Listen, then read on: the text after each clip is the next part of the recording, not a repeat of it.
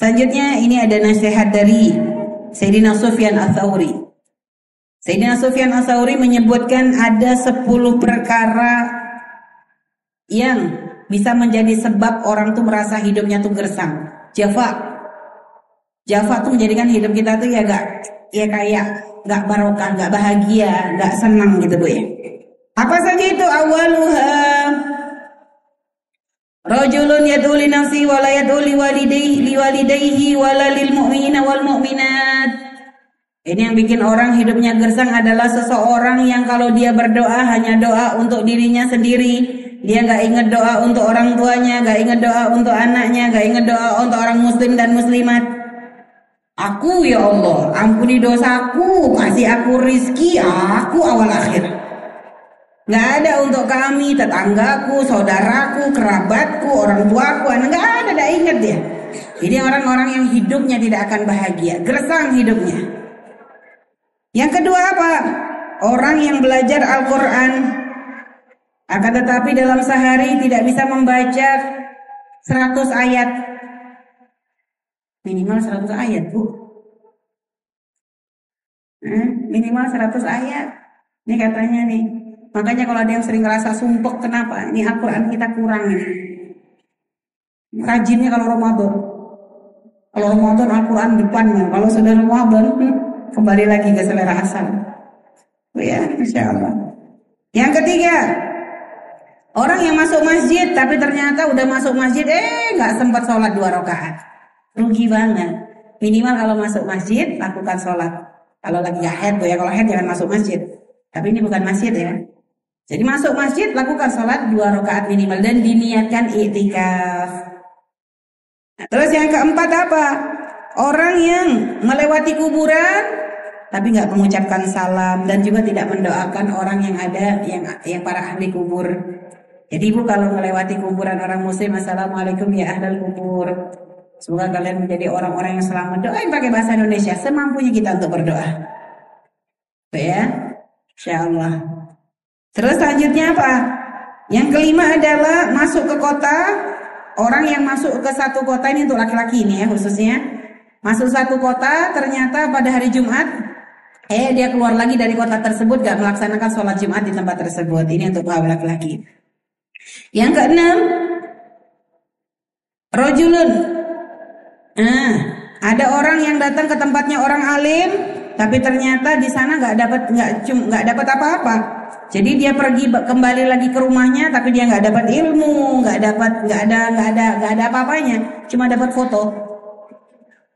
Sekarang ada orang gitu tau bu, datang ke tempatnya orang alim itu bukan untuk minta nasihat, foto. Sekarang foto tuh lebih penting daripada nasihat. Nah kadang habis foto udah lupa dia, nggak minta nasihat wala wala apa, sudah selesai. Yang penting foto. Habis itu pasang di status, semoga berkah. Ajib. Ya, masya Allah. Ini orang sekarang tuh paling hobi. Ini foto tuh jadi ziarah yang terpenting sekarang. Sampai kadang ustadznya, kiainya, ulamanya tuh bibirnya keriting tuh. Kebanyakan di foto. Senyum tuh pertamanya lebar, lama-lama mengerucut tuh. Kebanyakan foto kan lemas sudahan. Nah ini Masya Allah. Jadi ada orang kadang lebih ngejar fotonya daripada nasihat. Nasihatnya, ayo berubah, bismillah. Nasihatnya yang paling penting. Wasabi yang ketujuh, orang yang berbarengan, berbarengan ketemu bareng gitu. Eh, ternyata habis berpisah nggak kenalan namanya di mana, nggak tahu ini rumahnya di mana. Ini kayak ini, nih duduk sebelahan sama orang nih dua jam, tapi nggak kenalan. nah, habis ini, habis ini langsung tahu namanya siapa. Minimal tahu namanya. Ayo Allah jangan ngeremehin masalah ukhuwah. Jangan ngerasa Allah nggak ketemu lagi. Eh nggak gitu bu. Kadang kita tuh nggak tahu. Kadang bisa saja kita tuh oleh Allah mendapatkan pertolongan dari pertemuan yang tidak terduga. Kami pernah cerita waktu kami pengajian di Singapura waktu itu bu sama Bu ya, ya bu ya. Kami itu eh, malam banget dari hari Kamis acara di Batam Udah gitu langsung ngejar kapal, dari kapal kita naik kapal ke Singapura, pengajian sore, malam ada lagi. Akhirnya jam 11 malam tuh udah kelenger kita. Selesai majelis terakhir tuh jam 11 malam. Udah kelenger bunga tuh sudah pengennya udah tidur. Eh tiba-tiba ada orang ngejemput. Ya Allah, ya pengen banget keluarga udah ngumpul semua, nenek, mertua semua udah ngumpul, pengen banget ya datang. Bismillah ya, ya tolong ya ngarep-ngarep. Ya Allah Bu, ya nanya sama Umi gimana? Yang itu udah pengen nangis, saya capek, pinggang sakit, ngantuk. Karena kurang besok pagi harus berangkat lagi. Pengennya udah langsung tidur. Cuma nggak tega, nolaknya gimana. Akhirnya kata beliau, udah ya Bismillah ya, bil barokah. Ada Bismillah, bil barokah. Bil barokah. Aja kita datang. Sebentar. Oh tapi Masya Allah, keluarga semuanya tuh nyambut, seneng gitu kan. Sebentar kita. Gak ada setengah jam, kita pulang. Bu subhanallah. Habis itu kami tidak pernah komunikasi. Udah. Ya waktu itu ketemu sekali itu aja. Sampai subhanallah waktu Buya beberapa tahun yang lalu diuji kecelakaan itu Bu. Ya. Diuji kecelakaan itu subhanallah kita kan sama Habib Abdullah akhirnya ya kita waktu itu diobat ada teman-teman membawa ke Singapura awalnya kita mau pulang ke Indonesia tapi Habib Abdullah istikharahnya virus jangan pulang ke Indonesia cari tempat di Singapura kamu tinggal di situ sampai nanti ya ya selesai Insya Allah tidak lama kata beliau Ibu, Masya Allah itu kita nyari tempat tinggal di situ. Sampai pusing bu. Sebulan itu paling murah, paling murah ngontrak rumah di situ sebulan tuh minimal tuh 20 sampai 25 juta. Paling murah. Itu pun cuma satu kamar. Pusing kita. Ini gimana? Subhanallah. Lagi pusing kayak begitu kok ada orang datang. Iya katanya dia butuh rumah ya katanya.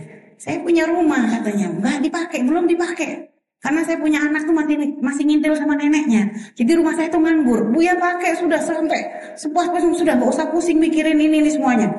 Bu itu orang yang dulu jemput kami malam-malam. Ya Allah. Itu kami sampai menangis ya Allah gitu ya cara Allah. Makanya jangan meremehkan sokbah. Persahabatan tuh jangan diremehkan. Jadi pertemuan-pertemuan tuh kadang kita bisa mendapatkan pertolongan dari pertemuan yang nggak sengaja seperti itu.